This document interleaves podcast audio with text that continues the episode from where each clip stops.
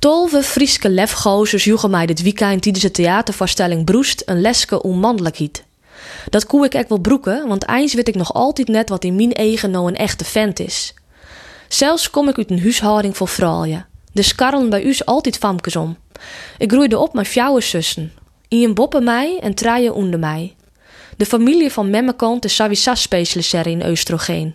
Eerst water een jonkje bennen, mijn neef, daarna volgende fitje famkes. Dat wie meest gezellig, al dreemde ik eindelijk altijd van een grutte stoere broer. Dat spruts blijkbaar de verbeelding. Het belangrijkste masculine boegbeeld dat ik in mijn jonge jaren mooi kreeg, wie is heid. Een echte vent? Ik weet het net. Wat is eens een echte kerel? Iemand die spiert en sterk is, handig en technisch, maar een dure auto, hippe kleen op de nice telefoon? Us heid wie in mijn jeugd meest in het hok te vinden. Nog altijd trouwens. Even wat hout zeg je, laskje of een stelling kost bouwen van oude schuttingsplanken. Voor een technisch tekener komen gewoon zaken heel precies. Us heid kan dan ik irriteren rijtje als iets net wetter pas is. Een man dus die iets in werk exact is. Maar om nou te stellen dat het bij u dus klerrebare structuur wie, dat zal ik nooit beweren.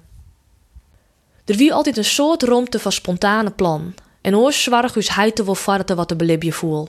Bij bennenfeestjes organiseerde hij touwloekwedstrijden of spande hij een kabelbaan tussen de bjemmen in. Hij gie graag met u op een door de provincie. Even een scot begraven in de bosk, die wij een letter van zelfs nooit weer waarom. Ik us hij het zelfs wie geregeld poorter. Had ronde waai stilstoen om weer eens mijn wild vreemden te zwetsen en te zweren. Simmerdijs gingen we meeste zielen op het Nederlandse of Duitse waard. Hij zien spierde en behierde jerms zijn altijd samen bruin door de zinnen. En mijn gemak heinde hij de zwieren meest weer omheen als we onder een verste bregen tromasten. Bij ons heid wie het een speeltje van net van het benauwde. Zwemmen, dat koe prachtig door van de boord al de lauwers maar in te springen. En als het heel koe, moesten we vanzelfs ook even de water in. Een ondernemende man dus, maar onder oren komt ik een beker van rijst tussen al die kwetterende famkes. Ik zie de heid van mijn jeugd vooral ik zitten in zijn oude leren draaistoel. Naait de houtkachel lekker opstookt hier, koe er onversteurbaar skiertnisboeken lezen. Hem totaal afsluiten van al het leven dat wij om hem heen maken. Dat komt prachtig ter uiting op een foto dat op de chef valt hoe mijn zuske stutjes, strikjes en vlechtjes in het hier en but van uw heid maken, zittend in zijn leerstoel. Het koe hem neert skillen, dus hij viel hem de gintel minder masculin om. Wat maakt het een man een echte man? In de theatervoorstelling Broest van regisseur Alinda Talsma tonen tolve verschillende malen haar een visie op mannelijkheid. Een spannend thema in tijden van genderdiscussie en seksuele vakkar.